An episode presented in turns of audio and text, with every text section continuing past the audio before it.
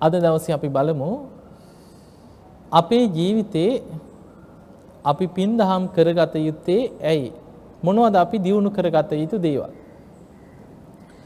එක සිදුවීමක් තියෙනවා මහා කාශ්‍යප මහරහතන් වහන්සේ. උන්වහන්සේ මේ බුද්ධ ශාසනය තුළ වැඩහිටිය දූතාංග ධාරීන්ගෙන් අග්‍රම කෙනා.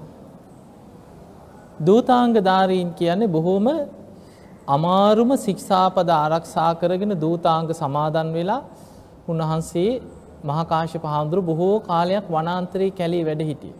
පින්ඩ පාතෙන්මයි ජීවත් වුණේ. පාංශකුල සිවුරු තමයි දරාගෙන හිටියේ. බුදුරජාණන් වහන්සේ දරාගත්ත සුගත චීවරයේ දරාගන්න පින තිබ්බේ මහා කාශ්‍යප හාමුදුරුවන්. එතකොට මහා කාශ්‍යප මහරහතන් වහන්සේ නිරන්තරයෙන් නිරෝධ සමාපත්තියට සමවදිනවා. නිරෝධ සමාපත්තියට සමවැදුනට පස්සේ දින හතක් निराහාරව භාවනාවෙන්ම වැඩ ඉන්නවා. ආයි දානෙ වළඳන්නවත් කිසිම දෙයකට නැගිටින්නේ ඒ සමාධියෙන්ම නිරෝධ සමාපත්තිය තුලම දින 7ක් වැඩ ඉන්නවා. දින 7කට පස්සේ තමයි සමාපත්තියෙන් නැගිටින්නේ. එහෙම නැගිටලා පින්ඩපාත යනකොට ඉස්සල්ලාම කවුරු හරි සද්ධාවෙන් හිත පහදවාගෙන දානි ටිකක් පූජා කරොත් ඒකේ ආනිසංස ඒ මොහොතේ ඒ වෙලාවෙම ලැබෙනවා. ඒ නිසා දවසක් මහා කාශ්‍යප මහරහතන් වහන්සේ නිරෝධ සමාපත්තියෙන් නැගිටලා කල්පනා කරා අද දවසේ ඊටාම දුප්පත් දිලිඳු පැල්පතක් හොයාගෙන පින්ඩපාතේ වඩින්නට ඕන. දිලිඳු කෙනෙකුට මම පිහිටක් වෙන්න ඕනේ. මොකද උන්වහන්සේට කවුරු හරි සමාපත්තියෙන් නැගිට්ටට පස්සේ දානි හැන්දක් හරි පූජා කරොත් ඒ මොහොතේ මේකේ විපාක ලැබෙනවා. උන්වහන්සේ දැක්කා පේසකාර ගම්මානයක් ඊටාම දිලිඳු මිනිස්සු ඉන්න ගමක්. මේ ගම්මානේ දිහා උන්වහන්සේ හිත යොමු කරලා බලනකොට දිවස් නුවණ තියෙන කෙනෙක් දැක්ක වයසක අම්මා කෙනෙක්. කවුද මේ කියලා අඳුනගත්තා පෙර සංසාරේ කවුද කියලා. උන්වහන්සේ මේ දිලිඳු ගම්මානේ ඇතුළට පිණ්ඩපාතේ ගියා. යනකොට සක්‍ර දෙවියන්ගේ අගමෙහෙසිකාවරු දිව්‍යාංගනාව 500ක් දිව්‍ය භෝජන අරගෙන ඇවිල්ලා පාර දෙපැත්තේ පෙනී හිටියා. මේ දිව්‍යාංගනාව දාන බෙදන්න හදනකොටම මහා කාශ්‍යප හාමුදුරුවෝ පාත්තරය අතින් වැහුවා. වහලා අහනවා මේ තරම් දිව්‍ය සැප සම්පත් විඳින ගමන් දිව්‍ය ලෝකේ ওই විඳින සැප මදි වෙලා දහනවා මේ දුප්පතෙක්ගේ පින උදුර ගන්න හදන. ඒක අහනකොටම ලැජ්ජාවට පත් වෙලා අතුරු දහන් වෙලා ගියා දිව්‍යාංගනාව. ඊට පස්සේ උන්වහන්සේ අර ගම ඇතුළට යනකොට වටේ ගෙවල් වල මිනිස්සු ඒ ගම්මානේ ඉන්න මිනිස්සු දැකලා ඉක්මනට දානි අරගෙන ආවා. මහා කාශ්‍යප හාමුදුරන්ට පූජා කරන්න. කාගෙන්වත් දානි පිළිගත්තේ නැහැ. පාත්‍රය අතින් වැහුවා. කවුරුත් දෙන දානි ටිකක් ගත්තේ නැහැ. උන්වහන්සේ අර වයසක අම්ම කෙනෙක් දැකලා ඒ අම්මා ඉලක්ක කරගෙන තමයි මේ ගම ඇතුළට ගියේ. යනකොට මහා කාශ්‍යප හාමුදුරුව දකිනවා ගෙයක් ගෙයක් ගානේ හිඟමනේ යන කුදු ගැහිච්ච ඇඟ පුරාම කුෂ්ඨ හැදිච්ච වයසක අම්මා කෙනෙක්. ඉතින් මේ ගෙවල් ගානේ යමින් මොනවා හරි කැම ටිකක් හොයාගෙන යනකොට එදා තැටියකට ලුණු නැති කැඳ එකක් හම්බෙලා. එහෙමයි දේශනාවේ තියෙන්නේ. ලුණු නැති කැඳ එකක් කියන්නේ ඉතින් දීපු මිනිස්සුන්ටවත් බොන්න බැරි එකක් වෙන්න තින්නේ. ඉතින් මේ අම්මා අර ලුණු නැති කැඳ එක අතේ තියාගෙන කල්පනා කරනවා මේක පිළිකුල් ටිකක් අප්පිරියයි. ඉතින් මේ කැඳ ටික තමයි එදා දවසටම හිඟමනේ ගිහිල්ලා හම්බෙච්ච දෙයි. මේ කතේ තියාගෙන ඉන්නකොට මහා කාශ්‍යප මහරහතන් වහන්සේ ඇවිල්ලා ඒ ඉස්සරහම නතර වුණා. එහෙම ඔළුව උස්සලා බැලුවා බලනකොට මහා කාශ්‍යප මහරහතන් වහන්සේ. කල්පනා කරා අද මට හම්බුනේ මේ ලුණු නැති කැඳ ටිකක්. මටවත් බොන්න බැරි මේ කැඳ ටික මං කොහොමද මේ ආර්ය පුත්‍රයන් වහන්සේ නමකට පූජා කරන්න කියලා හිතුවා. හිතනකොටම ඒ ළඟ එතන තිබ්බ ගෙදරක කෙනෙකුත් ඔන්න දානේ දැකලා දානි භාජනයකට බෙදාගෙන ආවා. මහා කාශ්‍යප හාමුදුරුව බෙදන්න දුන්නේ අත වහගත්තා. එතකොට මේ අම්මට හිතුණා උන්වහන්සේ මේ කාගෙන්වත් දානි පිළිගන්නේ නැතුව මගේ ඉස්සරහටම ඇවිල්ලා මේ වැඩ ඉන්නේ මේ මට අනුග්‍රහයක් පිණිසමයි. ඉතින් මේ වයසක අම්මා බොහෝම අමාරුවෙන් ටිකක් ළඟට ගිහිල්ලා අර වාජනේ තිබ්බ කැඳ ටික පෙන්නුවා. ස්වාමීනි මෙච්චරයි කියව මට අද ලැබුණේ. මේක පූජා කරන්නයි කියලා ඇහුවා. මහා කාශ්‍යප හාමුදුරුවෝ පාත්‍රයේ විවෘත කරලා පෙන්නුවා. ඒ වෙලාවේ අර ලුණු නැති කැඳ ටික මහා කාශ්‍යප මහරහතන් වහන්සේගේ පාත්තරයට පූජා කරලා බොහෝම සද්ධාවෙන් දන ගහලා වැන්දා. වඳිනකොට මහා කාශ්‍යප හාමුදුරුවෝ කියනවා මෑණියනි ඔබ ආත්ම තුනකට පෙර මගේ අම්මයි කියෝ. ඔන්න සංසාරේ හැටි. ආත්ම තුනකට කලින් මහා කාශ්‍යප හාමුදුරන්ගේ අම්මා වෙච්ච කෙනා ආත්ම තුනකට පස්සේ ඒ නගරේම හිඟමන යන කෙනෙක්. ආත්ම තුනකට කලින් පුතා ඊට ආත්ම තුනකට පස්සේ රහත් වෙලා බුදුරජාණන් වහන්සේගේ මහා පාංසකුල චීවරයේ පවා දරාගෙන ඒ නගරේ රහතන් වහන්සේ නමක් හැටියට දෙව් මිනිසුන්ගේ වන්දනා ලබමින් උන්වහන්සේ වැඩයින්. එතකොට බලන්න සංසාරි ස්වභාවය. එතකොට මේවා දිහා බලනකොට තව තියෙනවනේ අර සාරිපුත්ත හාමුදුරන්ගේ ආත්ම පහකට කලින් අම්මා ප්‍රේතියක් වෙච්ච සිදුවීමක. එතකොට අපිට මේවා දිහා බලනකොට පේනවා දැන් සංසාරේ අපේ දෙමව්පිය වෙච්ච අය පෙර ආත්මවල දෙමව්පියෝ ඥාතීන් වෙච්ච කොච්චර ඇද්ද නිරේවල් වල තිරිසං අපායවල් වල ප්‍රේත අපායවල් වල ওই පාරේ යනකොට හිඟා කන මිනිස්සු අතර ඕනේ තරම් ඇති. එතකොට අපිට පේනවා අපි යන්නේ මහා භයානක සංසාර ගමන. ඒ නිසා බුදුරජාණන් වහන්සේ දැන් අපේ පවුලේ පස් දෙනෙක් ඉන්නවා කියලා හිතමු. අපි හිතන්න පුළුවන් අපි අපි ඊළඟ ජීවිතයේදීත් මේ විදිහටම හම්බෙයි. එහෙම වෙන්නේ නැහැ. බුදුරජාණන් වහන්සේ පෙන්වන ගබ්බ මේකේ උප්පජ්ජන්ති කෙනෙක් මව් කුසකට ඇදිලා යනවා මැරුණාට පස්සේ. පින් කරගෙන තිබ්බොත් මොකක් හරි මරණ මංචකයේ පිනක් කුසලයක් මතු වුණොත් මව් කුසකට ඇදිලා යන්න පුළුවන්. නිරයම් පාප කම්මිනෝ පව් කරගත්ත කෙනෙක් හිටියොත් මරණ මංචකයේ අකුසලයක් බලවත් වෙච්ච කෙනෙක් හිටියොත් මරණින් මත්තේ නිරේට ඇදිලා යනවා ඒ පවුලෙම උනා. සග්ගන් සුගතිනෝ යන්ති. සද්ධහා සීල සුතතියාග ප්‍රඥාදිය දියුණු කරගත්ත කෙනා මරණින් මත්තේ සුගති යන. දිව්‍ය ලෝකවල උපදින. පරිනිබ්බන්ති අනාසවා රහතන් වහන්සේ නමක් වැඩ හිටියොත් හිත දියුණු කරගෙන කෙලෙස් ප්‍රහාණය කරගත්ත කෙනෙක් වැඩ හිටියොත් උන්වහන්සේ පිරිනිවන් පාන. එතකොට බලන්න පවුලක තුන් හතර දෙනෙක් කියන්නේ මරණින් මත්තේ කීප දිසාවකට ඇදිලා යන. අන්නේ නිසා අපි මේ ජීවත් වෙන්නේ බොහෝම භයානක සංසාර ගමනක. බුදුරජාණන් වහන්සේ නිරන්තරයෙන් පෙන් උන්වහන්සේ එක අවස්ථාවක පෙන්වන මහණෙනි මේ සංසාර ගමනේ තියෙන භයානකකම මේ ලෝකේ සත්වයන්ට බුදුරජාණන් වහන්සේට තරම්ම දකිනවනම් තේරෙනවන මොකද අපිට පේන්නේ නැහැනේ දිවසක් නැහැ. අපායේ ස්වභාවය, නිරේ ස්වභාවය, තිරිසන් ලෝකේ ස්වභාවය, මරණින් මත්තේ මේවට ඇදිලා යන හැටි, චුතූපාත ඥානයක් තියෙන බුදුරජාණන් වහන්සේව දකිනවා. අපි දකින්නේ. ඒ නිසා අපිට මරණ බයක් නැහැ, අපායේ බයක් නැහැ. බුදුරජාණන් වහන්සේ වදාලා කෙනෙකුට බුදුරජාණන් වහන්සේට තරම් මේ සංසාරේ අනතුරු තේරෙනවා නම් ඒ කෙනා අනිත් වැඩ සියල්ල පැත්තකින් තියලා හිස ගිනි ගත්ත කෙනෙක් ගින්න නිවන්න මහන්සි ගන්නවා වගේ. ආයුධයකින් පහරක් ආපු කෙනෙක් තුවාලයක් සනීප කරගන්න මහන්සි වෙනවා වගේ අනිත් වැඩ ඔක්කොම පැත්තකින් තියලා අප්‍රමාදීව ධර්මාවබෝධයට මහන්සි වෙනවා කිය. ඒකට හේතුව පිංහතුනේ ඒ තරම් භයානක ගමනක් තියෙන. බලන්න උන්වහන්සේගේ උපමාව හිස ගිනි ගත්ත කෙනෙක් ගින්න නිවන්න දඟලනවා වගේ. දැන් ඔළුවට ගිනි ගත්තට පස්සේ අපි හිතමු කොණ්ඩේට ගිනි ඇවිලුණා කියලා.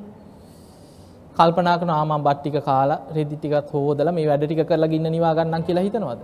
නෑ. ඒ වෙලාවේ අනිත් ඔක්කොම පැත්තකට දාලා දඟලන්නේ ගින්න නිවා ගන්න. ආයුධයකින් පහර කාපු කෙනෙක් තුවාලේ සනීප කරගන්න වෙහිසෙනවා වගේ. අපි හිතමු කොහේ හරි ගමනක් යනකොට තරහකාරයෙක් හැංගිලා ඉඳලා පිහකින් යන්න කියලා.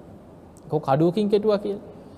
දැන් මෙයා කල්පනා කරනවාද මට අද වැඩ ටිකක් තියෙනවා බැංකුවට යන්න තියෙනවා ළමයි එක්ක ඉන්න තියෙනවා ගෙදර වැඩ තියෙනවා රෙදි ටික වනන්න තියෙනවා. මේ ඔක්කොම කරලා පස්සේ බේට් ටිකක් දාගන්න බැරියයි කියලා හිතනවාද? නෑ. ඒ වෙලාවේ අනිත් වැඩ ඔක්කොම පැත්තක දාලා දුවන්නේ මොකටද? ජීවිතේ බේර ගන්න. අර තුවාලේ සනීප කරගන්න. අන්න ඒ වගේ බුදුරජාණන් වහන්සේ වදාලා හිසගිනි ගත්ත කෙනෙක් ගින්න නිවන්න වෙහෙසෙනවා වගේ. ආයුධයකින් පහරක් ආපු කෙනෙක් තුවාලයක් සනීප කරගන්න වෙහෙසෙනවා වගේ සසරේ බය දකින කෙනා අප්‍රමාදීව ධර්මාවබෝධයට මහන්සි ගන්න කිය. ඒ නිසා පිංහතුනේ අද අපි බලමු සුගතිය උපදින්න අපිට උපකාර වෙන මේ දානාදී පින්කං මරණ මංචකයකදි බලවත් කරගන්න හැට. අපි දන් දෙනවන. අපි දන්දීලා තියෙනවා අපි පින් කරලා තියෙනවා හැබැයි අපිට තියෙන දුර්වලතාවේ තමයි අපි කරන පිනම අපිට බලවත් කරගන්න තේරෙන්නේ. හැබැයි බුද්ධ දේශනා දිහා බලනකොට ධර්මයේ තියෙන විමානවත්තු කියලා. දිව්‍ය ලෝකෙ ඉපදිච්ච දෙවියන්ගේ ජීවිත කතා. මුගලන් මහරහතන් වහන්සේ කියන්නේ උන්වහන්සේ 이르දිමතුන් අතර අග්‍රයි. උන්වහන්සේ නිරන්තරයෙන් දිව්‍ය ලෝකෙට වඩිනවා. දෙවියන් මුණ ගැහෙනවා දිව්‍යාංගනාව මුණ ගැහෙනවා. ඉතින් ඒ අයගෙන් අහනවා. පින්වත් දෙවිය, පින්වත් දෙව්දුව මොන වගේ පිනක් කරලාද මේ දිව්‍ය සැප සම්පත් විඳින්නේ? මේ දිව්‍ය ලෝකේ පහළ වුණේ මොන වගේ පින් කරගත්ත නිසාද? එතකොට ඒ අය කියනවා අනේ ස්වාමීනි මම පෙර මනුස්ස ලෝකේ හිටපු කෙනෙක්. එක්ක මං මෙන්න මේ වගේ ජීවිතයක් ගත කරපු කෙනෙක්. මම මෙන්න මේ වගේ පිනක් කරලා තමයි මරණ මංචකේ ඒ පින සිහි වෙලා තමයි කියනවා මේ දිව්‍ය ලෝකේ පහළ වුණේ. දැන් ඒ අය අතර ඔය විමානවත්වයේ තියෙන එක සිදුවීමක් ඔන්න රහතන් වහන්සේ නමක් ගෙදර පින්ඩ පාතේ එනවා. නැන්දම්මයි මේ ලේලි ඉන්නේ පුතා රස්සාවට යනවා. එදා නිවසට පින්ඩ පාතේ ආපු එලේ නැන්දම්මත් ගෙදර නැති වෙලාවක්. නැන්දම්ම නිතරම ලේලිට ගහන බනින බොහොම සැරපරුස නැන්දම්ම කෙනෙක්. ඒ වෙලාවේ දැන් ගෙදර දෙන්න හරි කිසිම දෙයක් දානයක් මොනවත් නැහැ. මුට්ටියක ගිහින් බැලුව මොකවත් නැහැ. උයන්න දෙයක්වත් නැහැ. උක්දඬු දෙකක් තියෙනවා නැන්දම්මගේ කාමරේ. ගිහිලා ස්වාමීනි පොඩ්ඩක් වැඩ ඉන්න කියලා එළියෙන් පුටුවක් පනවලා උන්වහන්සේට වැඩ ඉන්න ආසනයක් හදලා වන්දනා කරලා ඉක්මනට මොකද කරේ අර උක්දඬු දෙක අරගෙන මිරිකලා උක් පැණි ටිකක් පාත්‍රයට පූජා කරා. පූජා කළා බොහොම සද්ධාවෙන් දන ගහලා වැන්දා. වන්දනා කරාට පස්සේ උන්වහන්සේ අර උප්පැණි ටික වළඳලා පින් දීලා වැඩම කරා. දැන් හිත හිතා හිටි අනේ මං අද කොයි තරම් විශාල පිනක්ද මගේ ජීවිතේ කරගත්තේ කියලා අර පින සිහි කර කර හිටියා. මෙන්න හවසාව නැන්දම් ඇවිල්ලා ඇහුවා කෝ මගේ උක් දඬු දෙක. ඒ වෙලේ කිව්වා හිත පහදවා ගන්න අම්මේ පින්ඩ පාතයාව ස්වාමීන් වහන්සේ නමකට පූජා කරයි කියලා. මොන හිත පැහැදීමක්ද තරහ ගිහිල්ලා පුටුව උසලා ගැහුවා. ඔබ කාගෙන් අහලාද මගේ උක් දඬු දෙක පූජා කරේ කියලා පුටුව උසලා ගැහුවා. ගහපු ගමම ඔළුවේ වැදුනා. එහෙම මැරිලා වැටුණා. මැරෙනකොට මතක් වුණේ අර දීපු දානමේ පින කියන. මුගලන් හාමුදුරන්ට කියනවා අනේ ස්වාමීනි මම උක් දඬු දෙකක් පූජා කරලා අර පුටුවෙන් ගහපු වෙලාවේ මම මැරිලා වැටෙනකොට ඇදගෙන වැටෙනකොට අර දන් දීපු පින මතක් වුණා. ඒ පිනෙන් තමයි කියන දිව්‍ය විමානේ පහළ වුණේ. ඔන්න එක දිව්‍යාංගනාවක් කියන කතාව. තව දිව්‍යාංගනාවක් කියනවා ස්වාමීනී මං ඒ කාලෙ ගෙදරක හිටපු වැඩකාරියක් සේවිකාවක් කියෝ. පිළුණු වෙච්ච පිට්ටු කෑල්ලක් විසි කරන්න යනකොට එලියට පින්ඩ පාතිකී ස්වාමීන් වහන්සේ නමක් නැගනියෝක මගේ පාත්තරයට බෙදන්නේ කියෝ. තින් ඒ වෙලේ පෙන්න්නනවා ස්වාමීනි මේක පිළුණු වෙලා කමක් නෑ නැගනිය බෙදන්නේ කියෝ. පාත්තරයට අර පිට්ටු කෑල්ල පූජ කළ බොහෝම සද්ධාවෙන් දනගහල වැද්ද කියෝ. ස්වාමීනී මරණ මංචකේ මම මැරෙනකොට මගේ පණ යන වෙලාවේ මම ඔන්න ඔය පිට්ටු කෑල්ල පූජා කරපු ඒ පින මට සිහි වුණා කියව. ඒ පින සිහි කරගත්තා මං මේ දිව්‍ය විමානය පහළ වුණේ අන්නේ පිනෙන් කියව. එතකොට තව දිව්‍යාංගනාවක් කියනවා දානෙ හැන්දක් පූජ කරා ඒ පින මතක් වුණාක. තව කෙනෙක් කියනවා වතුර ටිකක් දන් දුන්න පිපාසෙන් කලන්තය හැදිලා පින්ඩ පාති වැඩම කරපු ස්වාමීන් වහන්සේ නමකට පැන් ටිකක් පූජ කර. එතකොට අපිට නිකම් මේ සිදුවීන් මේ වගේ සිය ගානක් තියෙන විමානවත්වයි. මේවා බලාගෙන බලාගෙන යනකොට එකින් එකට අපිට පේනවා නිකම් බැලූ බැල්මටම මහ විශාල පින්කන්ද. වතුර ටිකක් පූජ කරලා. දානි හැන්දක් පූජ කරලා. ඊළඟට පිළුණු වෙච්ච පිට්ටු කෑල්ලක් පූජ කරලා. සමහරලාවට උක් දණ්ඩක් මිරිකල පූජ කළ ආසනයක් පනෝල වැඳලා එතකොට මේ වගේ බැලූ බැල්මට නිකම් පින නිකම් පුංචි. හැබැයි ඒ අයි කියන දෙයක් තියෙන ස්වාමීනී මං කරගත්ත පින පුංචි පිනක් වෙන්න පුළුවන්. හැබැයි මරණ මංචකී මං ඒ පින සිහිකර කර සිහිකර කර බලවත් කරගත්ත කිය. අන්නේ පිනෙන් තමයි කියෙන මං සුගති ඉපදුණු. එහෙම නම් පින්වතුනේ දැන් ඊට වැඩිය කොච්චර පින්කං ඔබ කරලා තියෙනවද හිතන්. දැන් අද ගත්ත හම අද සාමාන්‍යයෙන් හැම කෙනෙක්ගෙම ජීවිතේ කොයි තරම් පින්කන් සාංගීක දාන දීලා ඇති? කටින පින්කං වලට සම්බන්ධ වෙලා ඇති? ඕන තරම් අටපිරිකර පූජා කරලා ඇති? මේ ජය ශ්‍රී මහා බෝධිය රුවන්වැලි මහා සෑය ධාතුන් වහන්සේලාට කොයි තරම් වන්දනාමාන කරලා ඇද්ද? මොන තරම් පින්කම් කරලා ඇද්ද? සමහරලාවට චෛත්‍ය හදන්න බුදුගෙවල් හදන්න වෙහෙර විහාර ඉදි කරන්න තමන්ගේ ශක්ති පමණින් තමට පුළුවන් හැටියට සිවින්ති කොට්ටකින් හරි ගඩොලකින් හරි කෙනෙක්ගේ හැම කෙනෙක්ගෙම ජීවිතේ මොනොහරි පින්කම් වලට සම්බන්ධ වෙනවන්නේ. එතකොට අපි මේ වගේ පින්කම් කරලා තිබුණට හිතන්න අපිට ඔය පින අද මතක් වෙනවද? බොහෝ වෙලාවට අපේ ඥාතීන් අද දුගතියේ ගියේ මිය පරලෝකීය නෑදෑයෝ ගැන හිතන්න. බොහෝ දෙනෙකුට මරණ මංචකේ අර පින සිහි කරගන්න බැරි වුණා. එතකොට බලන්න ඒ පින බලවත් කරගන්න බැරි වුණා. පින් කරා හැබැයි පින මතු වෙන්නේ තමන් කරගත්ත පින තමන්ට බලවත් කරගන්න ඌමනාවක් නෑ. ඒක දන්නේ නෑ. ඒක එහෙම අමතක වෙලා යනවා. දැන් නිකන් හිතමු දැන් අපි කාගෙන් හරි ඇහුවොත් එකපාරට කරපු පින්කම් 10ක් විතර කියන්නේ කියලා මතක් වෙයිද? එකක් කියයි දෙකක් කියයි ඊට පස්සේ මතක නෑ කියයි. ඉස්සර මිනිස්සු මොකද කරේ දැන් ඔබේ ආච්චිලා සීයලා අත්තලා මුත්තලාගේ කාලේ පින අමතක වෙන්න දුන්නේ නෑ. පින් පොතක් තිබ්බයි ඒ අයට. දවස ගානේ කරන පින පොතක ලියනවා. මම ආද දානයක් දුන්නා. මෙන්න මේ වගේ දානයක් පූජා කරා. දිනේ දාලා පොතක ලියනවා. ඊළඟට වන්දනාව ගියා නම් ඒකත් ලියනවා.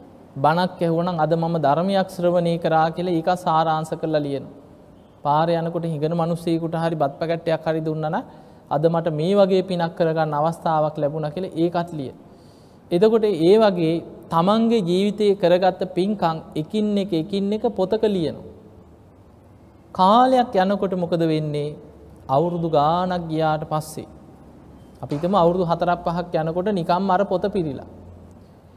එතකොට මේ පොත පෙරල පෙරල බලන්න බලන්න මතක් වෙන්නේ මොනවද? තමන් කරපු පින්කම්, පින් දහම්, කුසල්. පින සිහි වෙන්න සිහි වෙන්න පින බලවත් වෙනවා. ඒ පින සිහි කරන්න සිහි කරන්න පින බලවත් වෙනවා. ඊළඟට මේ පොත දිහා නිකන් බැලුවත් පෙරලගෙන ගියත් මතක් වෙනවා.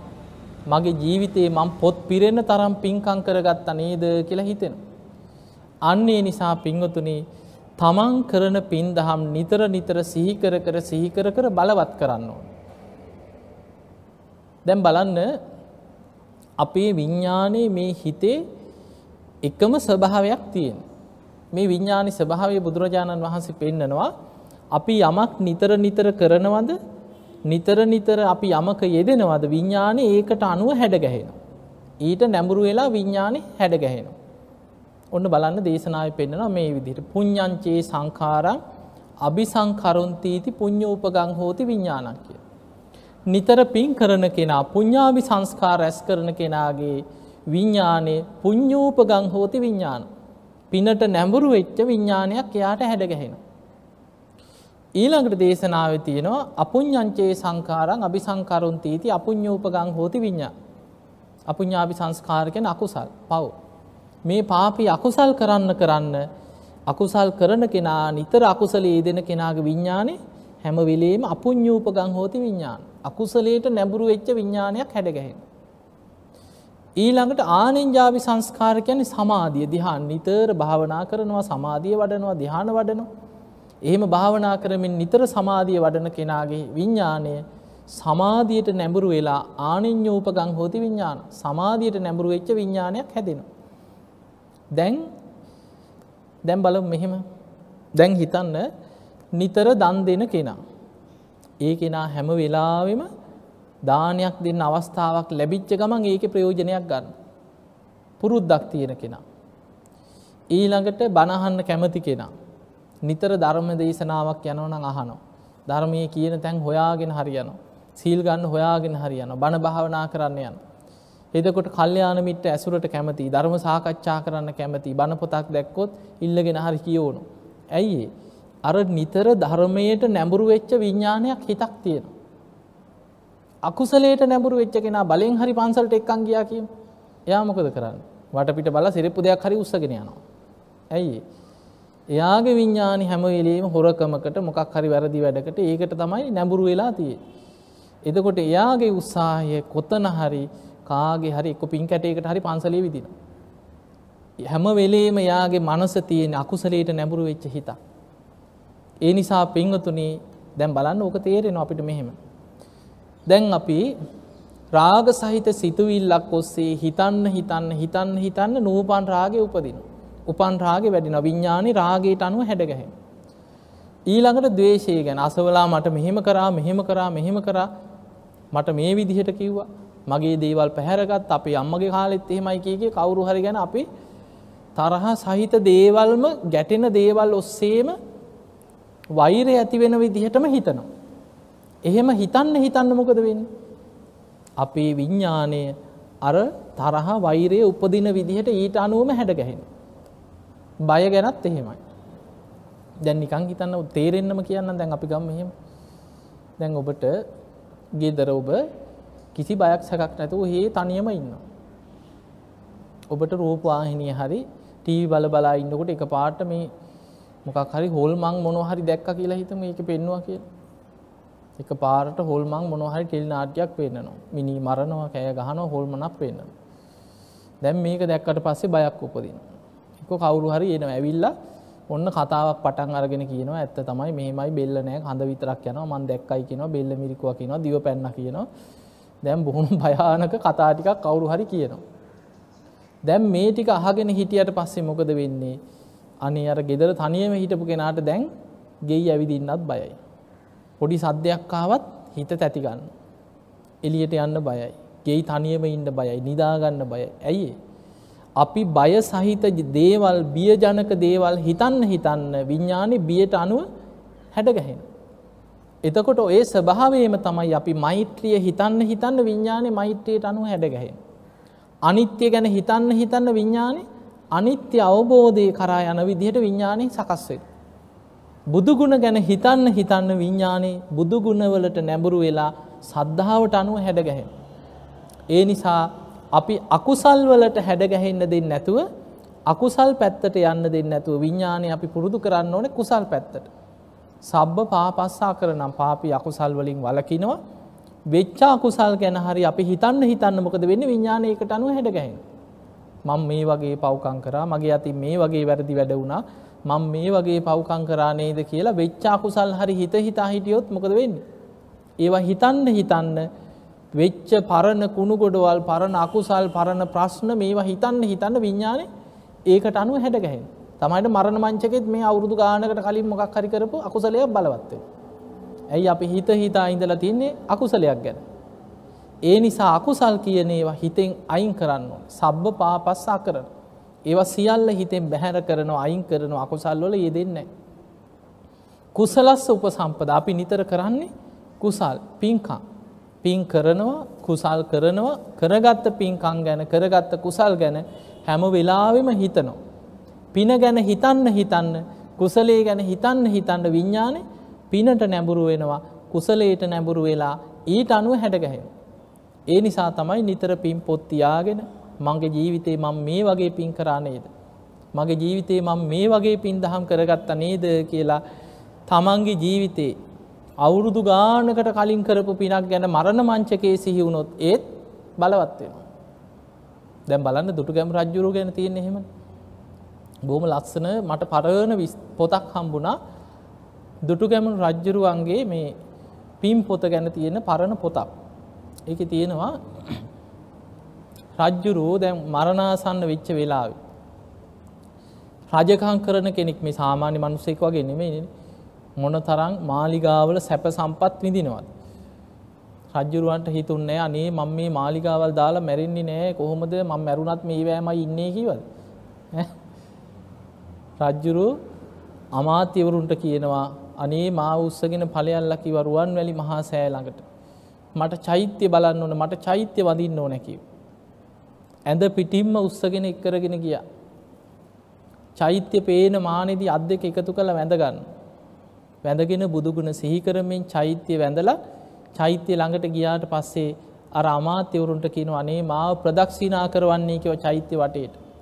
ඇඳ පිටිම්ම උත්සගෙන චෛත්‍ය වටේට එක්කරගෙන ගියා. ගිහිල්ල මළුවේ කෙලවරකින් තිබ්බට පස්සේ චෛත්‍ය දිහාට හැරිලා වැඳගත්ත.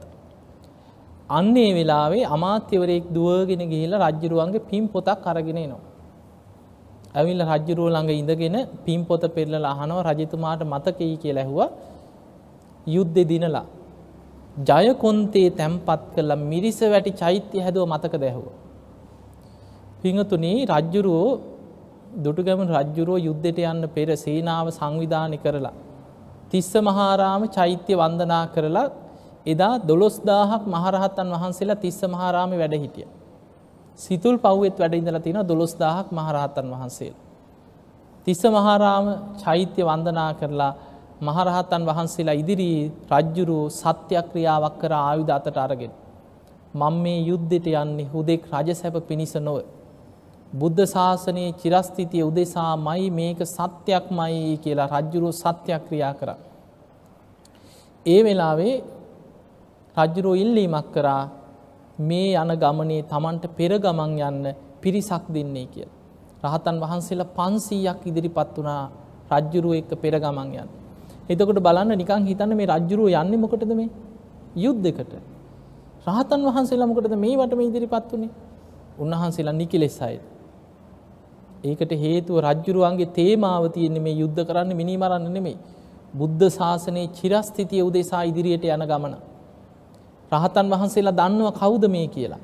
අනාගත මෛත්‍රී බුද්ධ ශාසනයේ දකුණත් සව් හැටියට අග්‍රශ්‍රාවක තනතුරක් ලබන්න අසංකීයකුත් කල්ප ලක්ෂයක් පෙරුම් පුරාගෙනන කෙනෙක් දුටු ගැමු රජ්ජුරෝ කිය. එදකොට මේ පාරමී පුරාගෙන යන කෙනෙක් තමයි ඊළඟ බුද්ධ ශාසනයේදී අග්‍රශ්‍රාවක තනතුරක් ලබනෝ. ඒ පෙරුම් පුරාගෙන යන කෙනෙක් ඒ පාරමී පුරන්න තමයි මේ දිවිය ලෝක ඉඳම් මනුස්ස ලෝකෙට ආවේ. ඒ කෙනාට ශාසනයේ දියුණුව වෙනුවෙන් මේ කටයුතු කරලා පාරමී රැස් පුරාගන්න පින් කරගන්න යන ගමනේ රහතන් වහන්සේලා පන්සීයක් පෙර ගමන් ගිය. රජ්ජුරුවෝ හත්තරම් පත්තීරුවක ලියාගෙන නලලි ජටාවි බැඳගත්තේ. බුද්ධෝතිලෝක සරණෝ බුද්ධෝ සුරියෝ තමවුණුදෝ කියන ගාථාව. රජ්ජුරුවන්ගේ නලලි බැඳගත්තා. රත්තරම් පත්තීරුවක ලියලා.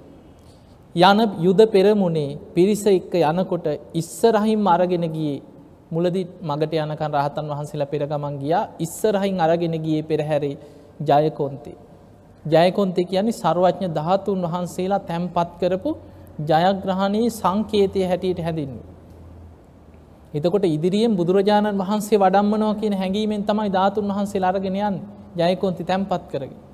අරගෙන ගිහිල්ලා එදා රාත්‍රී යම් තැනක නවා තැන් ගන්නවද මණ්ඩපයක් හදලා ඒ මණ්ඩපේ මත අර ජයකොන්ති තැම්පත් කළ හරියට ධාතු කරඩුවක් තිබ්බ වගේ ඒ ප්‍රදේශීම මල් කඩාගෙන ඇවිල්ල වන්දනා කළ බුදුන් ඇඳලා ධාතුන් වහන්සේලට වන්දනා කළ තමයි රාත්‍රී නිදාගන්න.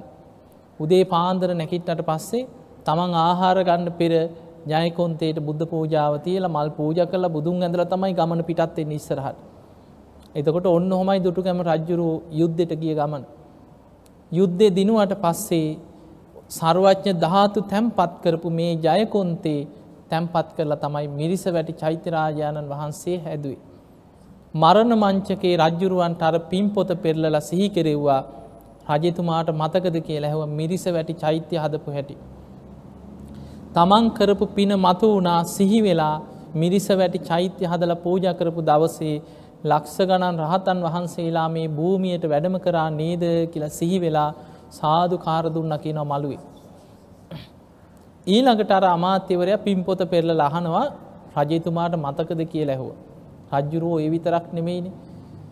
සංඝයා වෙනුවෙන් නවමහල් ප්‍රාසාදයක් කරලා පෝයගයක් කළ පූජ කරා මතක දැහු. ලුවා මහපාය. දුටුගැම රජ්ජුරුවෝ යුද්ධය අවසන් කරපු ගමම්ම. භික්‍ෂූන් වහන්සේලා රැස් කරලා උන්වහන්සේලාට කියනවා ස්වාමීණී ඔබහන්සේලාට පෝය කර්ම විනේ කර්ම කරන්න දිවිය මාලිගාවක් වගේ පෝයගයක් මං කරලා පූජ කරනවා. ඔබහන්සේලා මට ඒකට සුදුසු සැලැස්මක් ගෙනත් දෙන්නේ කියෝ. ඒ වෙලේ රහතන් වහන්සේලා හය නමක් දිවිය ලෝකෙට වැඩම කරලා බෙරණී කියන දිව්‍යාංගනාවගේ දිවිය මාලිගාව සැලැස්ම තමයි අරගෙනාව. උන්වහන්සේලායි සැලසුම ගෙනහල්ලා රජ්ජුරුවන්ට දුන්න රජතුමනි මෙන්න මේ විදිහේ පෝයගයක් අපට පෝය කර්ම කරන්න හදල පූජ කරන්නේ කියෝ. රජ්ජුරුවෝ අර දිවිය මාලිගාව සැලස්මට අනුව තමයි ලොවා මහපාය හදලා සංඝයාට පූජ කරේ නව මහල් ප්‍රාසාදය. එතකොට මේ විදිහට හදපු මේ පෝයගේ රජ්ජුරුවන්ට මතක් වුණා මම හදල පූජ කරපු මේ ප්‍රාසාදී භික්‍ෂූන් වහන්සේලා දහස් ගණනින් ලක්ෂ ගණනින් විනේ කර්ම පෝය කර්ම කරගනිමින් තම තමන්ගේ ශික්ෂාපද පිරිසිදු කර ගනිමින් ධර්මයේ හැසිරෙනවා නේද කියලා සිහි කරගෙන සාදු කාර දුන්නා කියන මරණ මංචකේ. ඊළඟට අර පින්පොත පෙරළුවා. පෙරලනකොට තියෙනවා රජතුමා රුවන්වැලි මහා සෑයේ මංගල උළු තියපු ආකාරය. එතන තිබ්බේ රන් තෙළඹු ගහක්. මේ රන් තෙළඹු ගහ විමාන කරගෙන හිටියේ ස්වර්ණමාලී කියලා දිව්‍යාංගනාව. රජ්ජුරුව මේ දිව්‍යාංගනාවගෙන් ඉල්ලීමක් කරා මෙතන මම චෛත්‍යයක් ඉදි කරනවා මේ විමානෙන් බැහැලා යන්න.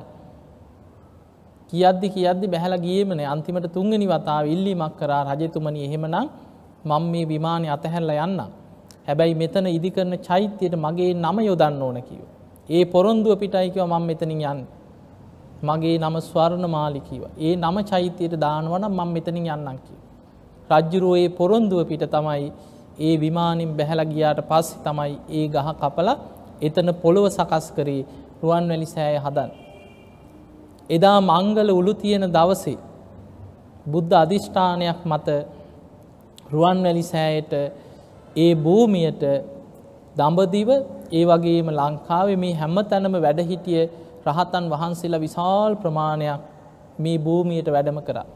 දේශනාවේ තියෙනවා බරණැස ඉසිපතන මිගදායෙන් ලක්ෂ ගානක් රහතන් වහන්සේලා වැඩම කරා බුද්ධගය වැඩ හිටපු රහතන් වහන්සේලා අසවල් රහතන් වහන්සේ ප්‍රධාන එක් ලක්ෂ ගානක් වැඩම කරා ඊළඟට කුසිනාරාවෙන් මෙච්චරක් වැඩම කරා කොසබෑනුවරින් මෙච්චරයි බුදුරජාණන් වහන්සේගේ පූජනීය සිද්ධස්ථාන දඹදිව තිබ්බයේ හැම තැනකින්ම රහතන් වහන්සේලා ලක්ෂ ගණනින් වැඩම කරලා එදා මහමෙවුනා පුණ්‍ය භූමියේ අතුරු සිදුරු නැතුව රහතන් වහන්සේලාගෙන් පිරිලා ගියා කියනවා.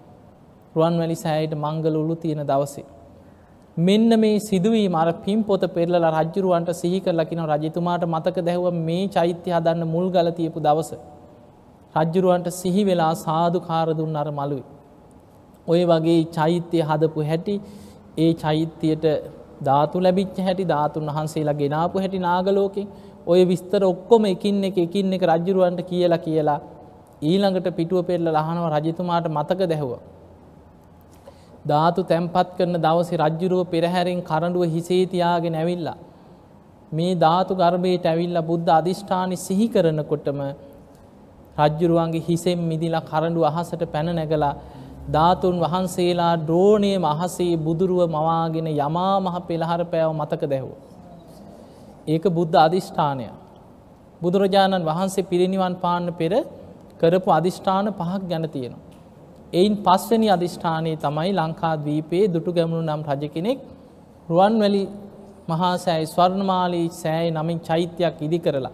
ඒ මහා සෑයි ධාතු තැන්පත් කරන්න සූදානං වෙන වෙලාවේ ධාතු කරඩුවෙන් ධාතුන් වහන්සේලා මිදිල අහසේ ද්‍රෝණයක් ධාතුන් වහන්සේලාගේ බුදුරුවක් මැවිලා යමා මහ පෙළහර පෑමක් සිදුවේවා කියලා පිරිනිවන් පාණ්ඩ පෙර අධිෂ්ඨාන කර.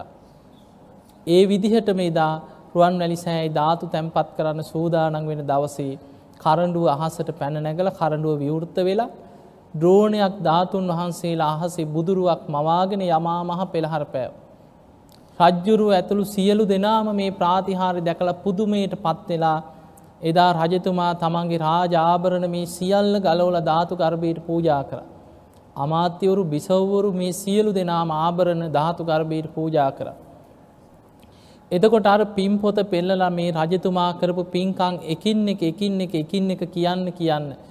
ඔය පින් පොතේ තිබ්බ කියනව රජ්ජුරුවෝ යුද්ධ කරගෙන යනකොට පසුබෑමකට ලක්වෙච්ච දවසක. තමන් කුසගින්නේ ඉදං අහසින් වැඩම කරපු රහතන් වහන්සේ නමකට තමන්ගේ බත් පත දන්දීල රජ්ජුරුව බඩකින්න හිටියයිද. මේ වගේ තමන්ගේ ජීවිතය කරපු හැම පින්කමක් මාර පොතක තිබ්බා. ඔය පින්කං එකින් එක එකින් එක කියනකොට රජ්ජුරුවන්ට පේන්න ගත්ත අහසේ දිවිය රත හයක් මැවිලා. දෙවියන් අහසේ පිරිලා ඉඳගෙන අර දිවිය රථවලින් අඩගහනව රජතුමනි එන්න කියන අපේ දිවිය ලෝකෙට. චාතු මහරාජික දිවිය ලෝකෙන් දෙවියන් ඇවිල් අඩගහන. තවත් දිවිය රථයකින් කතා කරන රජතුමනි නෑ අපේ දිවිය ලෝකෙට එන්න කියන රජ්ජුරු අපි ළඟට එන්න කියන. තාවතිංස දෙව්ලොවයි. යාම තුසිත නිම්මාන්ට අති පරනිම්මිත වසවර්ති. ඒ දිවිය ලෝක හයෙන්ම දෙවියන් ඇවිල් අඩගහන.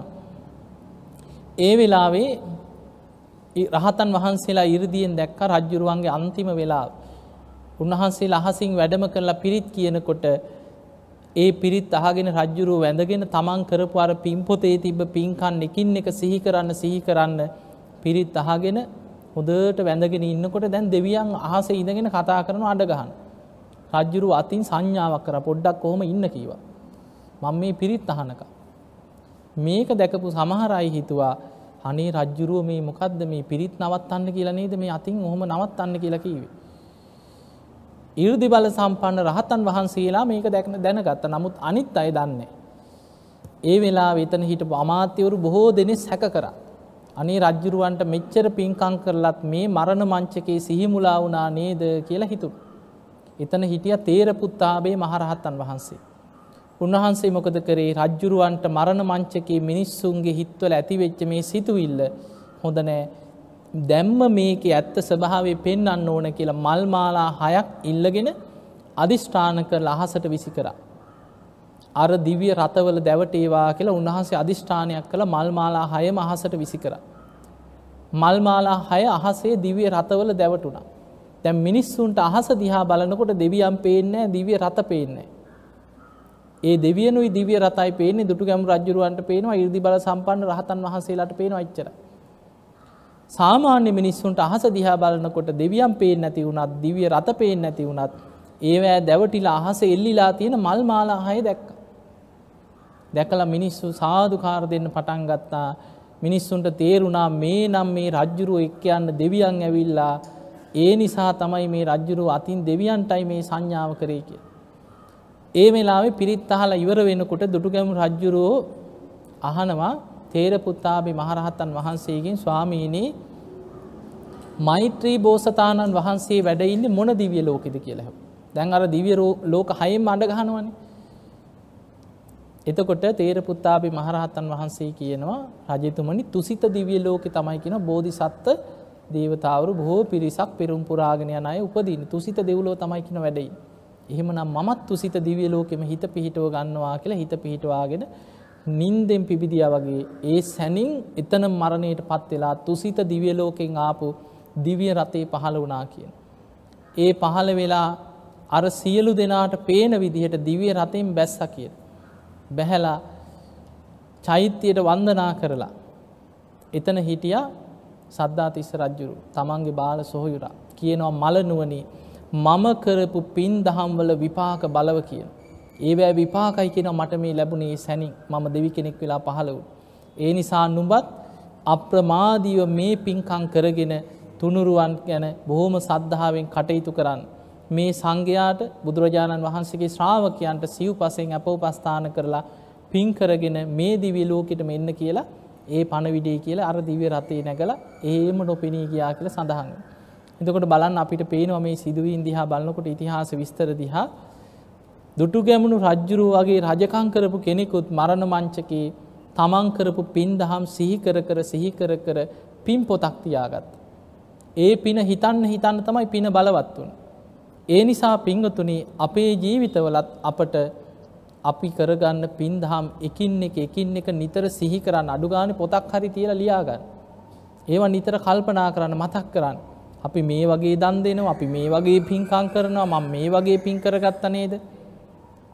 අපි කරන පින අපි සිහි කරන්න සිහි කරන්න තමයි පින බලවත්තේ. එහෙම නැත්නම් අමතක වෙලා යන. පින අමතක වෙලා ගිහිල්ලා අපි දන්නෙම නෑ මරණ මංචිකේ දැන් සිහිකරගන්න බලවත්තේ අපි පිනක් බලවත් කළ නෑන. ඒ නිසා මරණ මංචකේ අකුසලයක් බලවත් වුණු. දැන් සෝවාන් වෙච්ච කෙනෙක් ගැන්නම් කිසිම ප්‍රශ්නයක් නෑ. අපි කවුරු හරි සෝවාන් වෙච්ච කෙනෙක් නම් ඒ කෙනා කොහොමත් සතරාපාය මිදිලා. සූවාන් වෙච්ච කෙනා කොහොමත් සුගතිය උපදීන්. ආත්ම හතක් ඇතුළත ඒ කාන්තෙන් නිවන් දකින කෙනෙ. හැබැයි ඉතින් මැරෙන තරමක් මැරෙන්නේ මේ සෝවාන් වෙලාම දොක්කො. එහෙම එකක් නෑනේ. කොහොම හරි සෝවාන් වෙන්න ඕනෑ කියලා හිතනවා. හිතලා භාවනා කරනවා දන් දෙනවා පින්කං කරනවා මහන්සිකන්න. හැබැයි ඒ පින් කර කර යන අතරේ ඒ සියල්ලට පෙර මරණය ඉස්සර වෙනවා. ඒ නිසා ධර්මාවබෝධයක් නැතුව මරණයට පත්වෙන කෙනාට මරණ මංචකේ ආසන්න කර්ම කියනව බලව. ආසන්න කුසලයක් බලවත් වුණු සුගතිය. ආසන්න කර්මයක් හැටියට අකුසලයක් මතු වෙලාවත් දුගතිය වැටෙන්න ඉඩ තියෙන. අන්නේ නිසා අකුසලයක් බලවත් නොවී ආසන්න කර්මයක් හැටියට පින මතු කරගන්න නම් කරපු පින්කන් නිතර නිතර සිහි කරලා සිහි කරලා ඒවා බලවත් කරගන්න මහන්සි ගන්නට ඕන. එහෙමනම් පින්වතුනි අද ඔය කියලා දීපු ධර්ම කරුණ ටික හොඳට හිතන්න.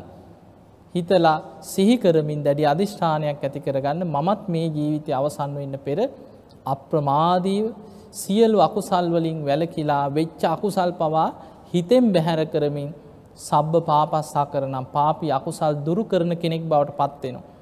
කුසලස් උපසම්පදා මම කුසල් වඩනවා පින් කරනවා කරන පින්කම් සිහි කර කර සිහි කර කර ඒවා මගේ හිත තුළ දියුණු කරගනිමින් මම ධර්මයේ දියුණු කරගන්න. සචිත්ත පරියෝ දපනං නීවරණ යටපත් කරලා හිත සමත විදර්ශනා භාවනා තුළ මම දමනය කරගන්න. ඒ තම් බුද්ධානු ශාසන. මමත් මේ බුද්ධ ශාසනය තුළ බුදුරජාණන් වහන්සේගේ අනුශාසනාව තුළනම් පිහිටලා කටයුතු කරන කෙනෙක් බවට පත්වෙනවා කියන අධිෂ්ඨානය ඇති කරගන්න.